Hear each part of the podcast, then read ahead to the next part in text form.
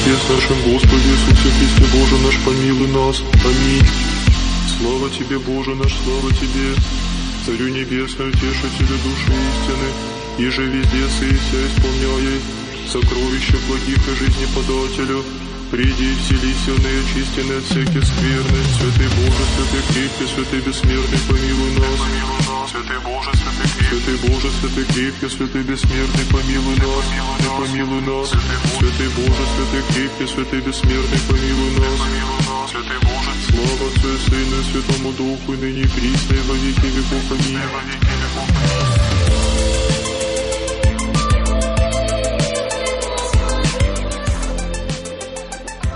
Benvidas e benvidos a esta nave chamada Burán Na sintonía de Radio Campus Cultura en formato podcast Visitamos vos de cando en cando Non nos atrevemos a decir canto dura ese cando eh, Temos unha tripulación que vos vai saudar e que está composta da oficial médica Reña Vermella. Hola, mundo. A bombardeira Mela. Que tal, terrícola? O con Modoro Mario. Hola, planeta Terra. E este que vos fala con moito orgullo por volver a esta nave, o Capitán Sack. E, por suposto, en control de terra temos ao noso querido controlador Jonathan.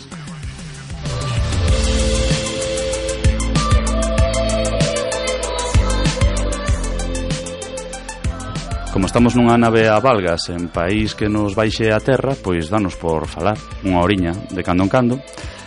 E hoxe falamos de... De loucura.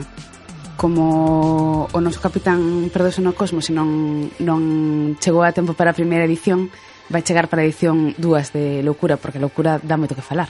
Sí, está moi ben porque, a ver, eu teño moito cariño ao capitán, non sei se, se gusta ben, pero vamos, decir. Pero claro, vende fora e ten que pasar o psicotécnico, non? A ver se si se volve tal unha que... Eu creo que eso das cuarentenas e tal é unha exageración, eu creo que non pasará nada, ver, non? Sí, como en Alien, no, Que non pasaba nada. Darlle unhas hamburguesas. bueno, a ver, que tal, eu topaste ben. Nada, eu estou perfecto, todo ben, todo ben. Non hai... Fomos unhas misións, eh, non superei ninguna, que é o habitual en, en esta nave, e, e aquí estou de volta, sin ningún tipo de, de rasguño, vaya. Volve cos, tipo, os típicos méritos de puxeches o traxe, saliches da nave, que realmente non significan nada, pois non podes avanzar sen ele. Eh, e, eh, nada, o que estou desexando é poñervos un poquinho de música para animar o, a nave, non? Ah, sí, botamos moito de menos a túa, a túa escolla así, sempre tan... Pois pues, veña, vou vos sorprender, non vou sempre presentar ta, tan culta, tan, tan maravillosa. Non vou presentar a canción, simplemente vos traigo novidades eh, fresquiñas, fresquiñas de aquí de perto.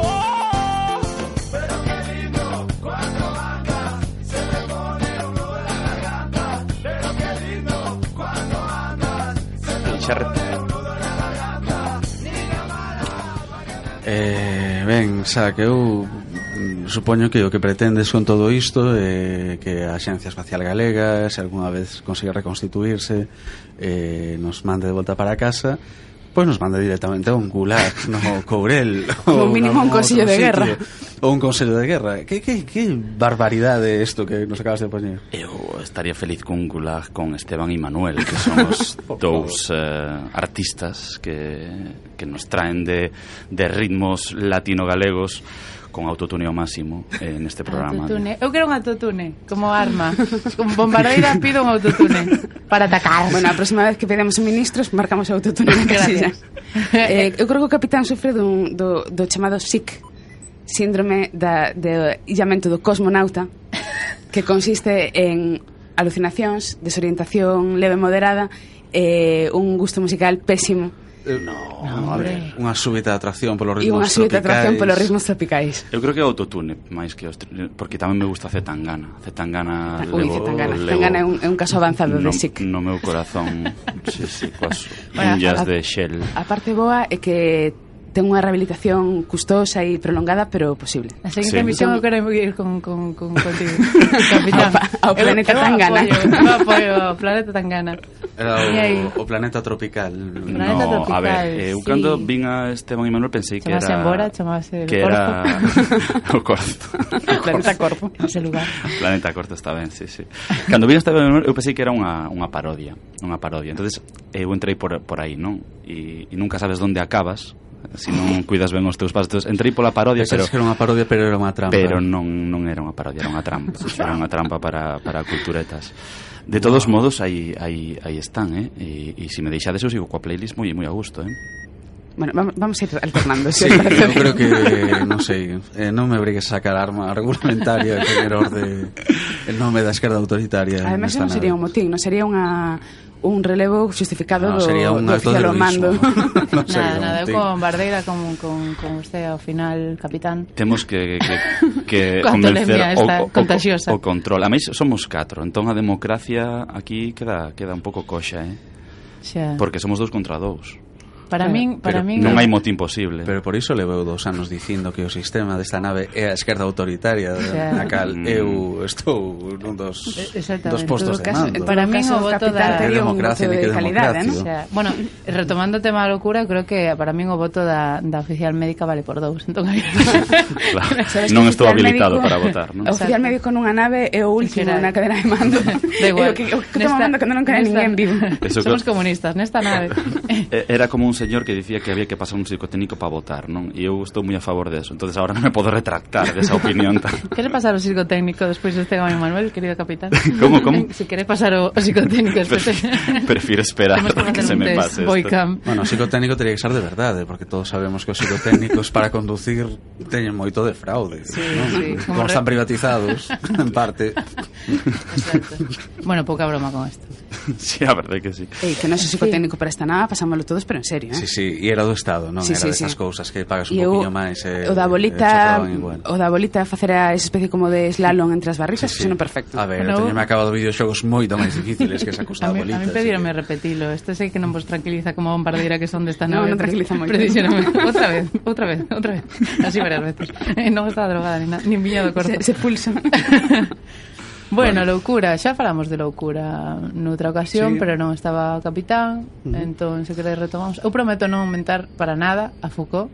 Digo, agora ao principio xa nos quitamos aí o da historia eh, da loucura, pero bueno. sí que me gustaría facer como aí un percorrido rápido en plan Benigil, uh -huh. de historia da, da loucura. Ta ta, ta, ta. Empezamos na antigüidade, veña. E logo todos son eu, eh. Xa, que contagioso, capitán. Pois, nada, queríamos como retomar, porque decatámonos que, que abordamos moito o visual e non o literal, nin o resto de expresións e representacións da, da locura. Entón, vamos a facer así unha brief eh, introduction of, of Tolemia que, mm, por un pouco retomar. Antigüidade, mm, que sucede aí? Que... Mm, enténdese que, que a xente está por influxo dos deuses, non? Está dominado polos deuses, entón tú estás así un pouco rarito ahora mismo porque estarías baixo o deus da... Mm, do, que sei, da do, sabrosura. Da sabrosura. Exacto, sería non só do influxo dos deuses, bueno, tamén. en teoría, en, de feito estarías baixo o influxo de Dionisio. Eu creo que sería este o do, rollo. Ese número do viño, non, sí, era Baco. Pero... Era da festa en xeral. Era da festa ah, en xeral, viño, ritos, que viño, tal, que, que era cousa, que un efecto tropical, similar. exacto, estar aí nun after, exacto.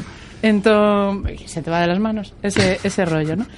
Eh, claro, despois chegaría o cristianismo Pero espera, co... pero non só os deuses esta, eh, As musas os, tamén Os gregos creían que, que as paixóns era algo que andaba polo aire Que de repente te agarraba Ai. E ti non, non te anoxabas porque te acabasen de botar aceite fervendo nunha orella senón que pasaba a paixón da, da ira polo ambiente e aí como que penetraba en ti, non? Entraba en ti e, sí, e aí te volvías todo locker. Esto, esto eu tiño máis como cara cara ao renacemento, entendía máis como ruidos humores que cando entrou me dicir, sí. non, vamos a adiantar, vamos a estar aí, no, venga. No, pero non adiantamos, o do renacemento está baseado Claro, claro, nesto, exacto.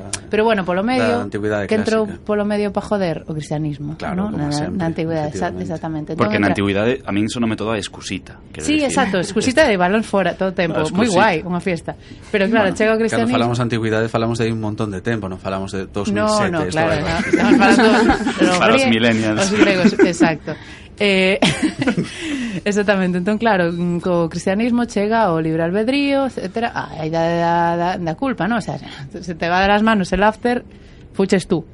Te Culpable. Exacto. Eh, claro, e aí vamos un pouco o, o de, do cristianismo dura ata, ata hoxe, pero bueno, o que pasou polo medio, o renacemento e o que falabas ti do humores, moreno que te agarran. Joder, Entón había esa teoría dos, dos humores do, do humor negro, no? bueno, que, que sí, veña dos gregos, efectivamente, eh, mm. Melan, melanconía a mel, melanconía sí, a teoría era dos vile negra, era ¿no? como un intento de levar Depresión. eso a medicina, por eso Exacto. buscaba un correlato con certas, Exacto. certos fluidos que circulaban polo corpo. Exacto. Pois empezan, sí, sí, ori, pero empeza así, a é desa época cando empeza a facer a relación coa orixe física, non? Mm. Non é dos deuses, senón que é algo físico que está aí. Eh, o sea, en galego dice deume un mal, non? Eh, sería como equivalente, non? Veume un humor Ui, aquí un a oficial médica diría che moitas cosas de deume claro, un mal. eu creo que eso de deume un mal eu relacionaría máis con, con esta idea de que as paixóns son algo externo a nós que nun momento claro, determinado claro, te contaminan. Claro, digamos, estou ¿no? normal, pero Exacto, deume un mal sí. e tarán, ahora estou pirado. Exacto. Eh, eh, a teoría moral, eh, o, o que o que di a Bombardeira, ¿no? ten máis que ver con a causa interna. É dicir, hai un desequilibrio en min interno, mm. orgánico, no? do fígado que fai en concreto. Que, sí, do, Porque do fígado, todo tempo a bile, bile amarela, sí, bile negra, bile... Que fai que os meus fluidos se descompoñan e eh, eu eh, empezo a facer cousas raras. No? Ah. Hai como, é como externo versus interno. Claro. É como cando din que segrega bile, non? Sí, como dicindo... Sí. Vendes, vendes. Malo, sí, sí, sí. malo. Exacto. en concreto, bueno, eu lembro, había varias, ¿no? Porque había amarela, había no sé qué, pero había a bile negra, que se conocía como que non, me, non era boa. Melan, melan, eu non me acordo dos lexemos, pero era en grego viña así, era me, melanconios, non sei que, era a me, malenconía que derivou en melancolía viña de eso, de vile negra entón, bueno, era esta, este momento da teoría dos humores. Entón, bueno, empezaron a ver as primeiras representacións da Ptolemy, Erasmo de Rotterdam Cervantes, Quijote, estamos aí en plan Hill, me llama rápido. Eh, eh, bueno, af, chegamos ao mundo moderno e o mundo moderno entra como un pouco a idea de autocontrol de contrólese, capitán. Por fa- por favor, por favor, eh, por favor. autotune, contrólese non se deja llevar. Entón, claro eh, entra esa idea, pero tamén ao mesmo tempo nese mundo moderno están os románticos, a imaginación como expresión máis noble de todos, Blake, o modelo, bueno, digo, romanticismo e demais que se, se, que se les va un pouco das masas pois están xa as vanguardas, Baudelaire, Verlaine, Bo, que eles entenden que ese autocontrol, no? ese bo gusto é burgués e burgués e que realmente a, a verdadeira arte xorde do patolóxico. Que hai moitas voltas que quero dicir hai moitas idas e voltas na historia da, da tolemia ideas que voltan como o da o dos desaxustes que che collen morais, no, o... morais pero tamén a cuestión da exploración da imaginación e a cuestión do xenio que sí que, está, que, sí que tratamos no, no outro programa bastante da señoridade da, da, delga, da delgada liña pero bueno, o que o que quedou así un pouco e que se fixo máis forte ajarrou por, por como no Freud, ¿no? de algún xeito, é esa idea de, bueno, do patolóxico e de como que viña destas, ¿no? dos vanguardas, de como o sofremento libera o espírito, de como tamén as drogas axudan nesa, nesa senilidade e, perpe, e Freud desde, nese sentido perpetua a idea de, da, da arte como filla da, da neurose, non? y entra aí un pouco en conflito con outros con creadores que, bueno, decían, pues, si, si a psicanálise o que pretende é reaxustarnos que é o que estamos facendo a través da arte, pois pues, déjese deso. Exactamente. Tese quieto. Sí. ¿No? Eu creo que cando empecemos a falar de obras concretas agora, non? Despois desta, eu creo que o bombardeiro que fixo agora foi centrarnos moi ben nas para poder encaixar un pouco históricamente as obras que vamos falar, non? Pero o que vamos ver é que en todos os períodos históricos, a pesar de que o concepto de loucura varía moito, sempre hai como unha cara e unha cruz, non? O sea, sempre hai unha conceptualización negativa, pero despois tamén hai eh, como aspectos positivos ou luminosos da loucura, ¿no? non? Sí en, en calquera período histórico que aos que nos queiramos remitir, ¿no? O sea, os gregos consideraban que que os tolos eran eh, persoas alleadas no, da súa natureza, pero tamén consideraban ás veces que eran profetas, por exemplo. No? Uh -huh. E eu creo que esa, esa dualidade da, da persoa eh, tola mantese un pouco durante toda a historia. Sí, pero disto xa faláramos, creo que no outro programa, é dicir, é como a calidade de ver outros mundos uh -huh. Exacto. ou mundos que non, que non se perciben e realmente aí é onde se crea a figura do, do chamán ou do intermediario que de alguma forma tamén acaba pasando á literatura uh -huh. Entón, moitas veces se considera o poeta ou o autor, sobre todo nos románticos como intérprete de, de forzas ocultas que só eh, el pode percibir e que o resto están, pois pues, iso, non son evidentes para o resto da, sí. da humanidade.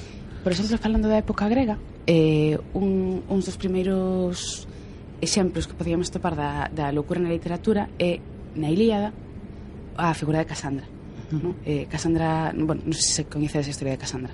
É, Casandra, é unha telenovela é unha telenovela que xunto con Cristal lo petou moito, moito nos 80 e non sei se a telenovela tiña algo que ver coa historia mitolóxica de Casandra porque sería un puntazo realmente.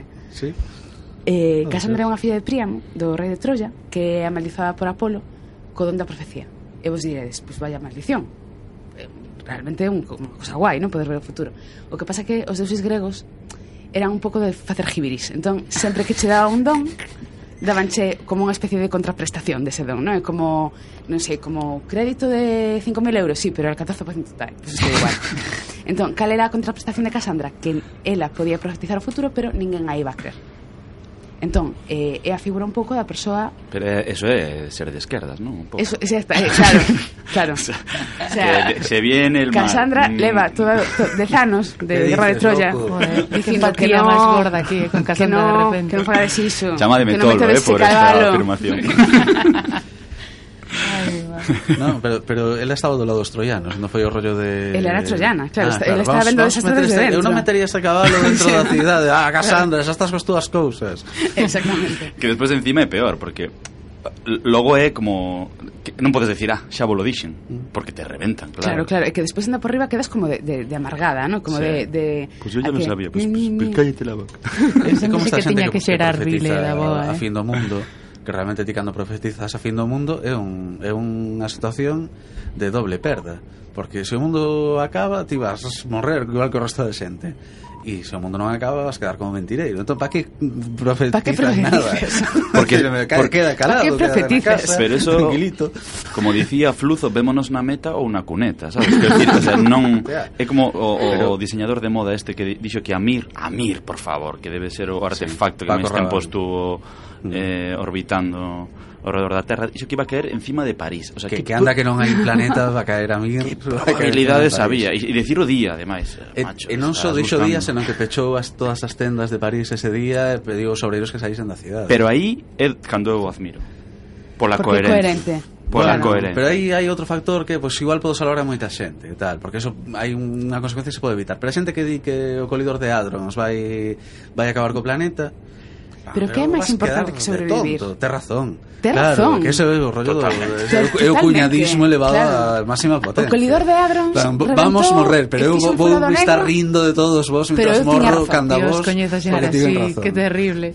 A mí, a mí Cassandra que me requiña, a mí non me parecía que Cassandra, pobre, quixera ter razón.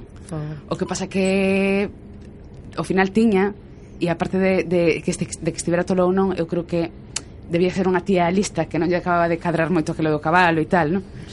Entón tomaban a portola, pero realmente era porque era máis lista que os demais. Ese que realmente ai, é que eu quero como vamos reformular todas as tolas da historia, porque aparte a historia da Toleme sempre é femenina, sempre sí. foi moito máis e tal.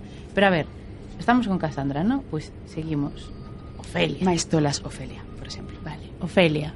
Ai, por Ofelia, volveuse tola por amor. No, a ver, se tola, porque o tipo do que estaba enamorado, así por accidente, se carga seu pai.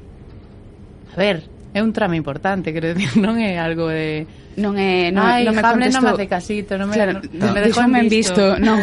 Ta, tamén hai que dicir que na época na que pasa o de Ofelia, no que supostamente pasa o de Ofelia, que o tío do que estás namorado se carga o teu pai, entra dentro das cousas que moi probablemente acaben pasando. Non é como se pasa hoxe. Quero decir que vamos, na idade media estaba orde do día. Home, no, cambiabache por unha cabra, non, no, non había, bastante non tiña por que, por que suceder. Tiña un profesor de historia que nos dicía, en plan, claro, pues, eh, non sei quen é eh, Leo Visildo que mata o seu fillo, o Recaredo, bueno, un, este rei visigodo que mata un fillo porque non, a Hermenexildo porque non se quere converter e tal, ao cristianismo. Eh, e, e dicía, claro, que vos impresiona vos isto moito Pero hai uns anos matar un fillo non era unha cousa tan, tan espectacular. Era unha cousa bastante cotía, pasaba bastante a miúdo Pois pues nada, como bueno, porque o nivel de violencia ah, claro, é moito claro, máis elevado Claro, é unha cousa parecida hmm. Hombre, sei de algún que fixeron santo por matar os seus sogros. Esa historia é verídica. ¿Sí? Non vou dicir de que zona de Galicia Non vou dicir Pero vou dicir o santo Que era San Xiao. Sanxiao ah. matou os seus sogros, sin querer, sin querer. Era cazador, claro. era cazador, os seus sogros viñeron a visitar, eh, como chovía moito, viñan moi mollados, e a, el foi cazar, e a muller dixolle aos seus pais, eh, quitaivos a roupa mentras seca e meteivos na cama. Entonces o cazador Isto é o, como carapuchiña vermella, que, que o, sucede? O voltar de, de caza, a súa muller estaría facendo outras cousas e viu a dúas persoas na cama. Entonces os ciumes ah. apoderáronse del e matounos, e matounos. E claro, pasou tan mal que fixeron santo. Esa é a historia de San Xiao. Que, que pasou? Ajá. Pasou. Entonces, o santo vale, é el. Claro. O santo vale, é el. Claro, encántame. Claro. Entón, o rollo é, claro. Porque se pasas mal. O rollo é, se pasas mal, es tío, mm, fante santo, se pasas mal, es tía, pobre, eh, estás tola e ademais por amor, non por a violencia antes claro. Era por ciúmes. Encántame como Claro, o nivel de, é como un bralador, ¿no? Quero decir, se vas atrás na historia e tes moita violencia, pois, pues, joder, tes que estar máis alto control, eh? Porque está todo o tempo morrendo xente e matándose entre eles, non te podes volver a pintar un vida. A ver, no. Eh, eso. falando de, de persoas que matan outras persoas e que van sendo, non neste caso santos, pero si sí heróis, algo que tamén está moi relacionado coa loucura na época clásica é a historia de Heracles. A historia de Heracles todos sabemos as 12 probas, pero en realidade hai unha previa que é como chega Heracles ás 12 probas. Pois as doce parábolas de Heracles realmente son unha especie como de, de expiación do seu crime no que el mata a súa muller e o seu fillo e mataos un rapto de loucura. Entón, eh, el, ao ofender os deuses, elle, elle mandado, digamos, un rapto de loucura eh, para que el mate a súa familia e despois, no momento no que se dá conta, claro, é un drama tremendo.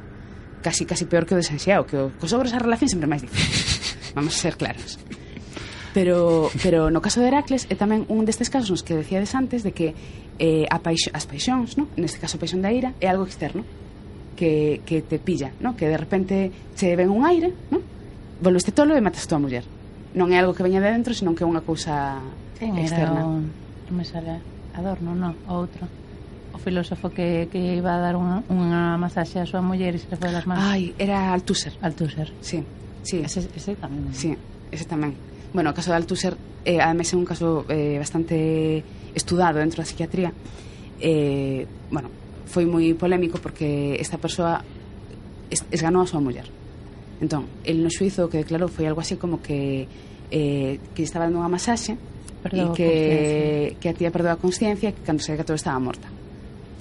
Eh... No, eh, él a conciencia, como que él recuperaba conciencia cando estaba chamando por teléfono avisando Ah, bueno, sí, sí, sí, sí, é verdade, eh, sí, é certo. Eh, eso parece ser que entraba dentro dunha especie de estrategia de defensa como de alegar enaxenación mental transitoria, ¿no? que sería, bueno, o que calquera abogado con dos dedos de frente intentaría facer. Uh -huh. O caso que Althusser eh, non quiso aceptar o, o, o, o bueno, como o non a vais a ir agora a palabra o atenuante de enfermedade mental porque el consideraba que si, si, si recoñecía iso toda a súa obra filosófica quedaba porque invalidada. de novo máis importante que nada é ter razón, ter razón. Eso, claro, total, claro. total pero máis terrible de todas formas do caso de Althusser é que toda a intelectualidade francesa de esquerda desta época ponse do seu lado sí. e é terrible porque a fin de contas é un, é un asasinato de xénero é posiblemente un asasinato machista e claro é cierto eh, hai trasuntos eh, na actualidade política galega, de feito, pero é así. É dicir, ás veces eh, a cuestión funciona dunha forma tribal, a xente apoia a xente, a, os seus amigos e eh, non, non a súa ideoloxía. Queres dicir que ás veces non ás veces non se fai o contrario, non? Claro. Quer dicir que o normal acaba sendo tristemente pois ese apoio constante. Eu casi faría unha pausa musical, advirto que esta non a escollín eu, eh. Uf, menos mal. Arbit... De feito, isto non podería decir Althusser, xa poñéndonos tolos, porque estamos, vamos a escoitar... Que de todas formas vou deixar a arma aquí encima da mesa, se non vos molesta, por se acaso, porque pode pasar máis adiante. Veña, vamos a escoitar, logo botas má bronca.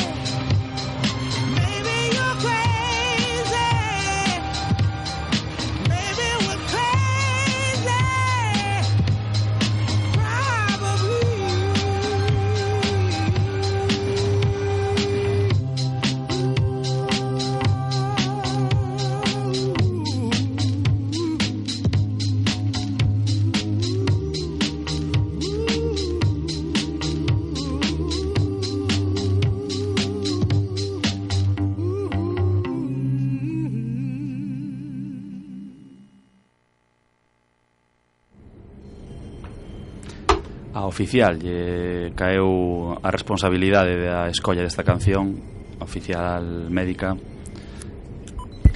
Bueno, pero a canción mola, ¿no? Mola un montón, ah, vale, mola, vale. Mola, mola, un montón. No, no, refírome que as, uh, os parabéns para ti. Ese grupo claro. de nome impronunciable. Sí, Nals na, na, Berkeley. Berkeley. eh, que a, a máis dice que eu creo que ti estás tola. Sí, sí, Bueno, esto, esto vennos moi ben, porque realmente era un pouco que comentábamos de que a figura do tolo é eminentemente feminina. É dicir, a, a loucura e, a, e as figuras femeninas sempre van como moi unidas, non? Antes falábamos, por exemplo, de Ofelia, eh, eu creo que Ofelia é como a, a tola paradigmática no? de, toda esa, de toda esa época Ainda que é moito antes do romanticismo pero mm, a imaxe romántica de Ofelia no? sí. de Ofelia pálida Ofelia afogada. afogada con esa melena no? eh, movida polas ondas, tal, é como un pouco esa, esa idea de que unha muller un pouco tola pode ser atractiva.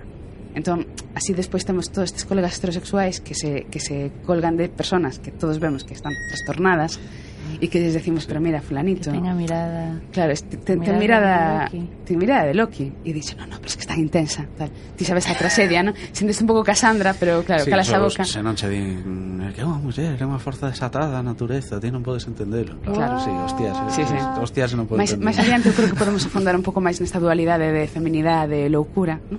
Pero agora tamén quería falar de, outro, de como utiliza Shakespeare en xeral a loucura na súa obra porque, aparte de Ofelia, non vou dicir que todas as obras de Shakespeare, pero sí que hai moitas obras nas que aparece eh, a loucura casi casi como un personaxe, ¿no? ou, ou como a característica moi destacada dun personaxe.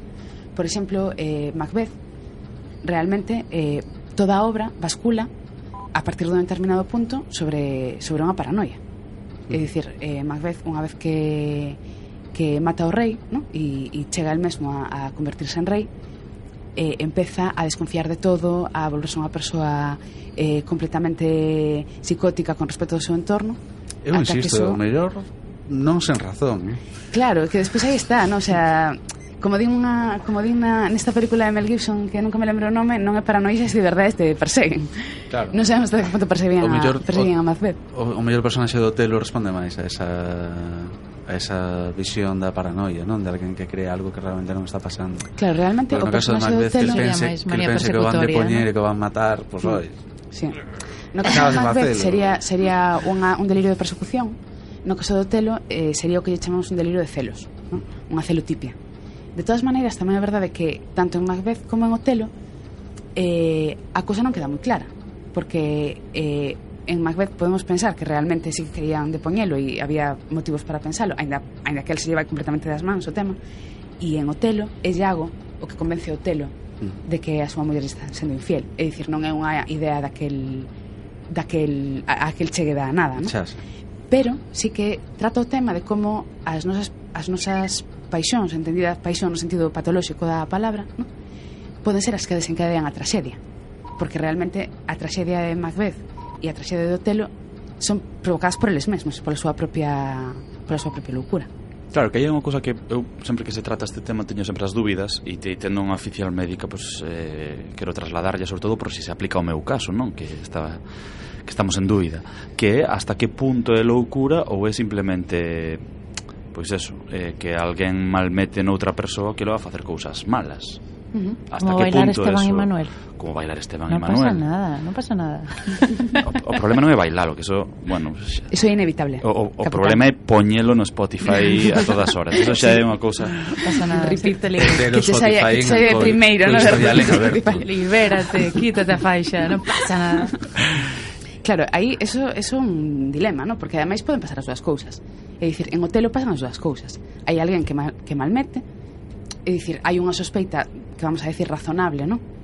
De que, de que se pode estar pasando, pero despois hai unha eh, digamos que hai unha sobreimplicación nese feito, non? Hai unha hai un apaixonamento con esa idea que vai máis alá do razonable.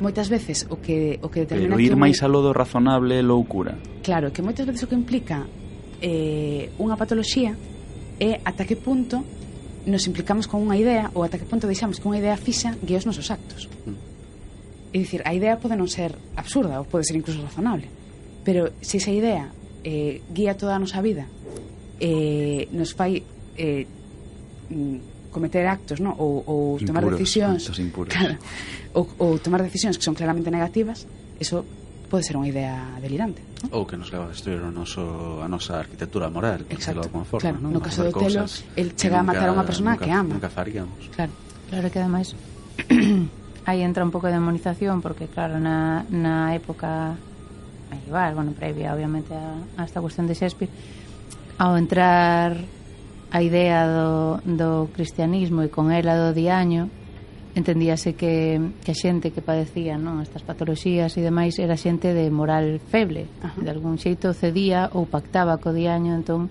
de algún xeito era máis doado pois eh, eso, demonizado claro, o eh, cristianismo o problema é que introduce un factor culpa, moral ¿no? exacto, sí. o sea, introduce Yo creo un factor... que se arrastra un pouco ese rollo de entre que roza entre o autocontrol e a culpa ¿no? de, uh -huh. Claro, de... pero eh, son as dúas caras da mesma moeda, non? Porque de alguna maneira, se si é unha cuestión que depende do teu autocontrol e non o tes, es culpable. Exacto. ¿no? E alguna y sigue, sí. síguese arrastrando sí. isto, creo. Si, si, para centrar un pouco que, o que me comentabas, capitán, a definición dunha idea delirante é unha idea que a todas luces falsa e que é irreductiblemente mediante o pensamento lógico. Descríbese así. O sea, os terraplanistas están pirados. Por exemplo, eu creo que nos terraplanistas, ainda comentábamos onte, ademais hai moito listo. É dicir, hai moito que está a, que está a monetizar sí, o, o responsable o rollito. do no Estado claro. español, eu creo que destes Pero casos. se ti te crees firmemente que a Terra é plana e por moitas probas que se che presenten non é imposible facerse cambiar de opinión, é unha idea delirante. Sí, o problema é que cousas como a Terra plana, polo menos en Estados Unidos, están moi relacionadas con todas estas teorías da conspiración da extrema uh -huh. dereita, o sea, co do Pizzagate, co de que nunca foron á Lúa, co de, bueno, claro. en fin, pero nunca foron á Lúa, non? Non, no, nunca. Por iso estamos nos aquí. Exacto. Non? Ben, pois outro concepto interesante dentro dentro disto que tamén poderíamos tocar respecto da loucura na literatura é o da a Tola do Ático que é case un, bueno, un cliché das, das novelas decimonónicas e que o o seu estandarte, o seu caso máis destacado é o de o que aparece en Jane Eyre, eh, de Charlotte Bront. Uh -huh. eh, non sei, sabedes un pouco o argumento de Jane Eyre, pois pues eso. Vamos a facer un spoiler, pero como a novela ten 300 e pico anos. Eu creo que se caducou o spoiler, non? podes facelo, sí. non? Pois 300, bueno, ten, ten un par de séculos mínimo tenos. Entón vai dar igual. Pois nada, iso hai unha historia de amor entre a protagonista e un rico hacendado eh, e cando parece que se van casar e van ser moi felices, por resulta que o tipo ten a súa anterior muller que toleou eh, pechada no, nunha especie de, de desbanda mansión. Entón aí aparece, claro, pois representa iso o pasado e tal, eh, pero tamén representa pois eh, como as relacións interxéneros, por decirlo de alguna forma, da época pois estaban moi mediatizadas por ese tipo de cousas, é dicir, tanto polo poder de quitar unha persoa de circulación, prácticamente facer desaparecer, que tiña o marido sobre a muller, como esa loucura que estaba asociada unha vez máis ao xénero feminino. Uh -huh. Claro, é que realmente hai, hai, é como un pouco pescada que se morde a cola, non? Eh, o patriarcado, a ideoloxía patriarcal atribúe ás mulleres unha serie de características, non? que pois de, de máis sensibles ou máis emocionais. E despois cando hai unha persona que realmente amos esas características que son as propias do xénero femenino resulta que está tola. Claro. entón é un xogo no que nunca gañas nunca podes gañar. Bueno, legalmente en España as mulleres eran menores de idade eh, ata o, claro. decir, ata fai 40 e poucos anos. Sí, sí. Quer decir, non podían abrir unha conta bancaria, non podían viaxar soas, non, non, non Claro, podían... eso, eso implica, ainda que non sexa a idea de tola, pero sí implica a idea dunha certa debilidade mental, non? Obviamente. O sea, implica a idea de que as mulleres non son seres eh, plenos no, no ámbito intelectual non, non poden tomar decisións Exacto. adultas uh -huh. quero dicir, son tratadas igual que un menor de idade ten que haber unha persoa ao seu cargo porque elas non son quen de, uh -huh. de estar ao e é relativamente recente en termos xeracionais quero dicir as persoas, Falamos. hai moitas persoas vivas as nosas aboas sí, a iso que se fala eh, da Arabia Saudí non era tan distinto da España nos anos 50 no, e dos 70 porque eh, realmente eh, sí. ata os anos, creo que ata os 65 necesitabas permiso para abrir unha conta bancaria por mm. exemplo, uh para sair do país que non, non queda tan longe. Ou para ter, por exemplo, a, a, eh, lembro familiarmente se, se ten comentado sempre que para que unha muller herdara tiña que ir ao seu marido ou ao seu pai se non estaba casada, non? Porque era casi como unha transmisión uh -huh. de un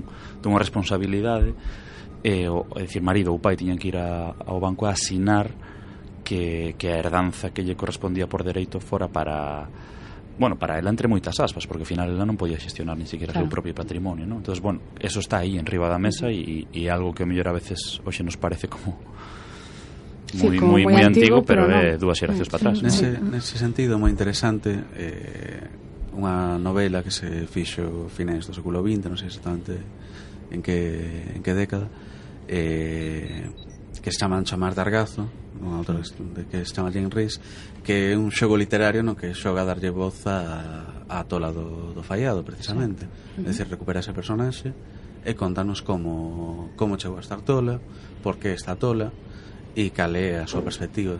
E é moi interesante porque sí, parece que tiveron que pasar pois iso, un par de séculos como mínimo para para que ese personaxe que sinxelamente aparecía uh -huh. eh, teña por fin unha historia teña por fin unha Exacto. voz e estamos falando dunha, dunha personaxe non dunha persoa real porque o, o sangrante xa non é que se intente ou que se siga revisitando certas, pues eso, este personaxe que está que, é tan tan icónico, senón que es, acontece que con figuras eh, recoñecidas e como poder ser Virginia Woolf Sí, ainda se sigue, non, hoxe en día revisitando e, e intentando pois darlle un bueno, darlle outra imaxe que porque non sei que, que, que imaxe teredes vos ou se, se hai algunha eh, es que mm, a, a min Virginia Woolf sempre me entrou como eh, esa imaxe tamén eh, da muller eh, frágil, algún xeito pois sigue tocada pola tolemia e demais, cando realmente o que estabas falando antes, no, de, de,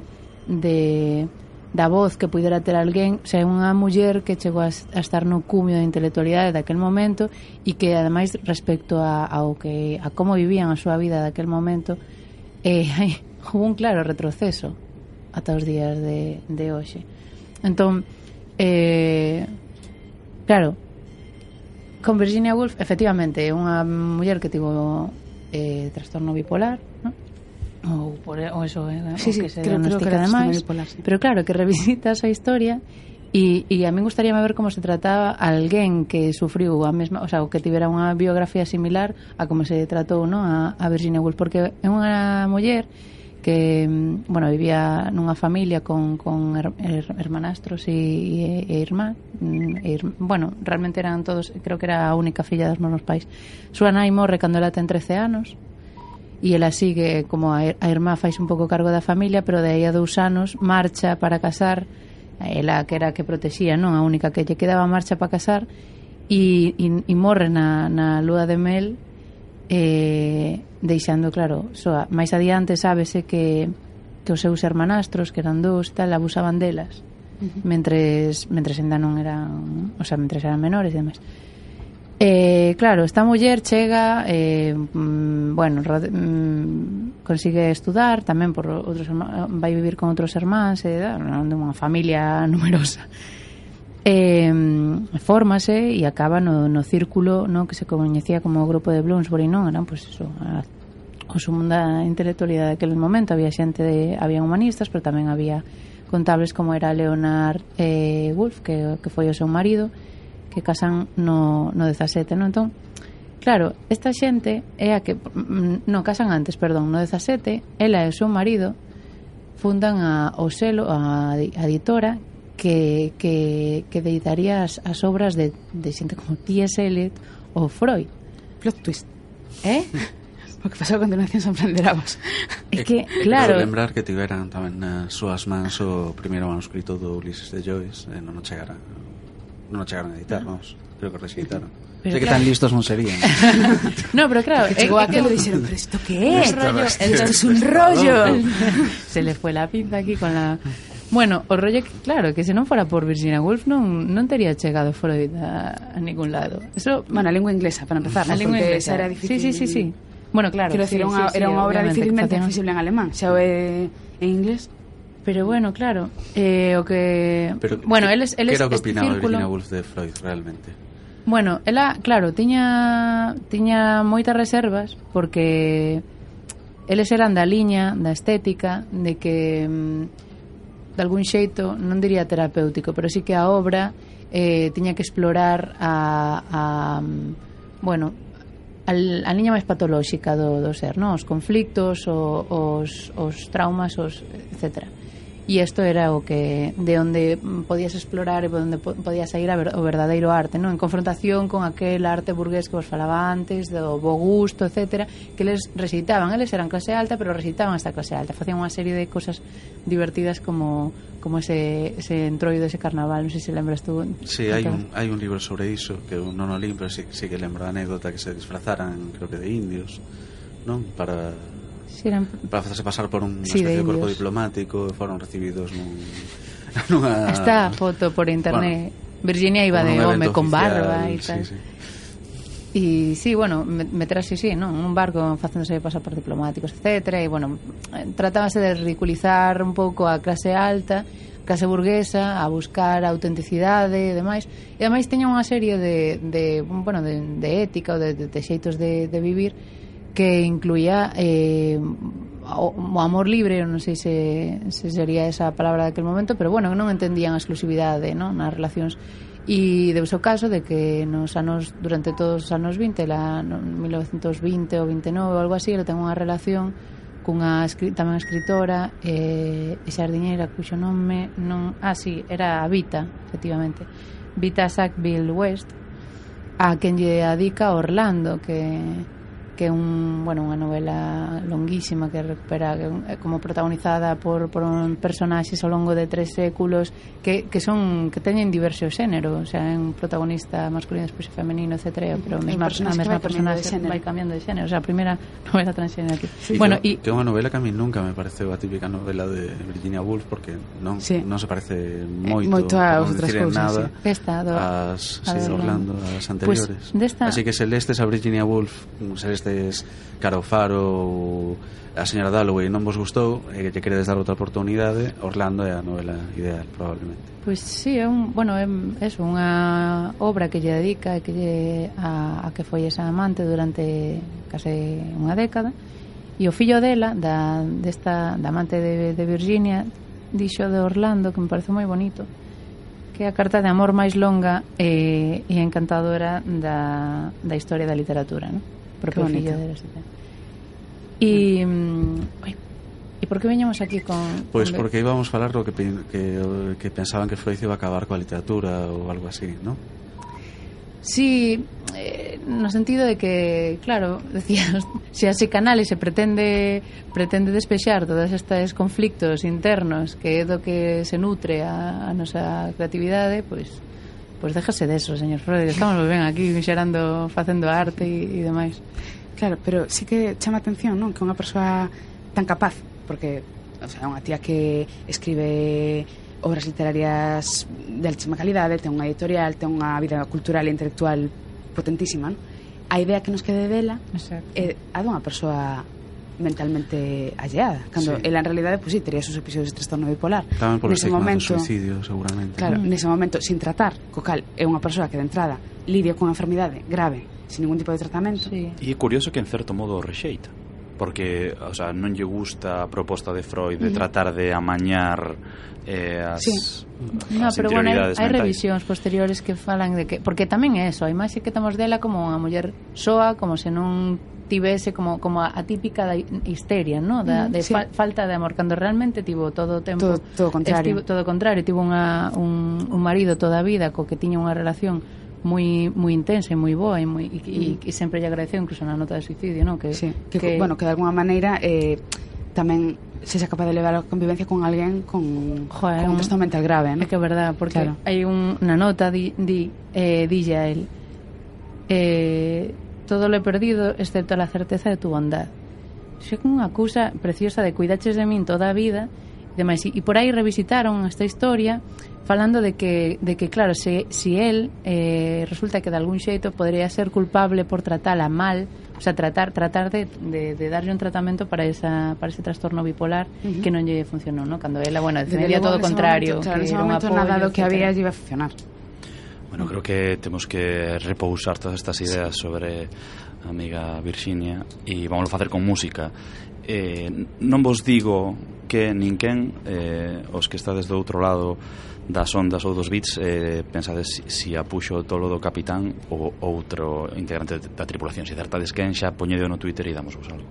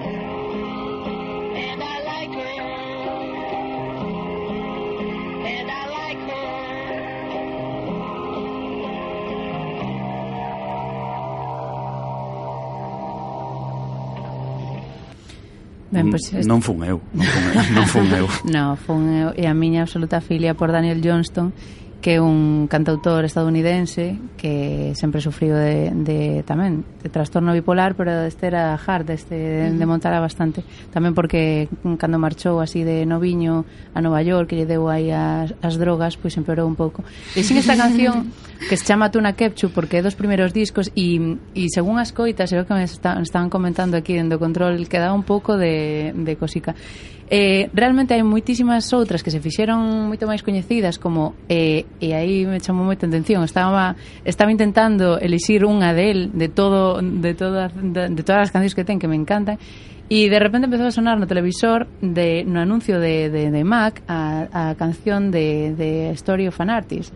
Let me tell you the story about an artist growing on, tal, que é moi linda, é como moi tal, realmente o que está contando é como a eh, o, o continuo, bueno, a, o conflicto entre este xenio eh, creador, ¿no? que, él, que era él, a incomprensión como artista, pero tamén a incomprensión como enfermo mental, ¿no? que sempre he tratado de, de rarito e tal. Esta canción de Tuna Kepchu que escoitábamos realmente é unha historia un pouco de creepy mm, porque un, un chaval que, que lle gusta unha, unha rapaza que é como tratasme fatal pero pero gustasme igual e é moi moi moi inocente isto é o que ten Daniel Johnston non é o enfermo eh, neno, no? eternamente adolescente, moi, moi inocente, moi cándido, que ademais xerou toda, mm, tamén pintaba, no? e, e xerou todo un universo con iconografía eh, que viña do cristianismo, no? Tipo xerou había está sempre o débil, no? Hai unha docu que que vos recomendo que de Devil and Daniel Johnston, que é maravilloso,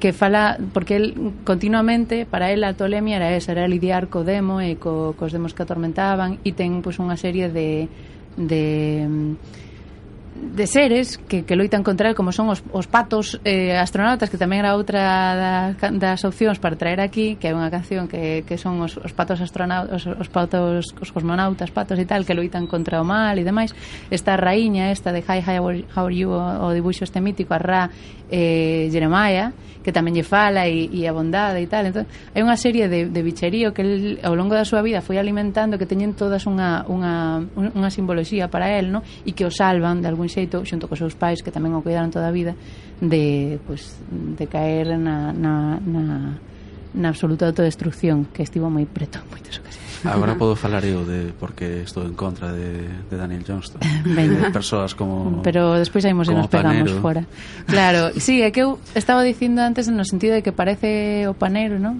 Eh, eh, Leopoldo María Panero é como o noso Daniel Johnston a española. Non é tan así, pero sí que vexo como é un eterno adolescente mm. eh, que está continuamente o sea, que, que mm, sí, que a súa obra xira en torno a auto, autocontemplación ¿no? Sí, a ver, eu non estou en contra nin de Daniel Johnston nin de Leopoldo María Panero per se.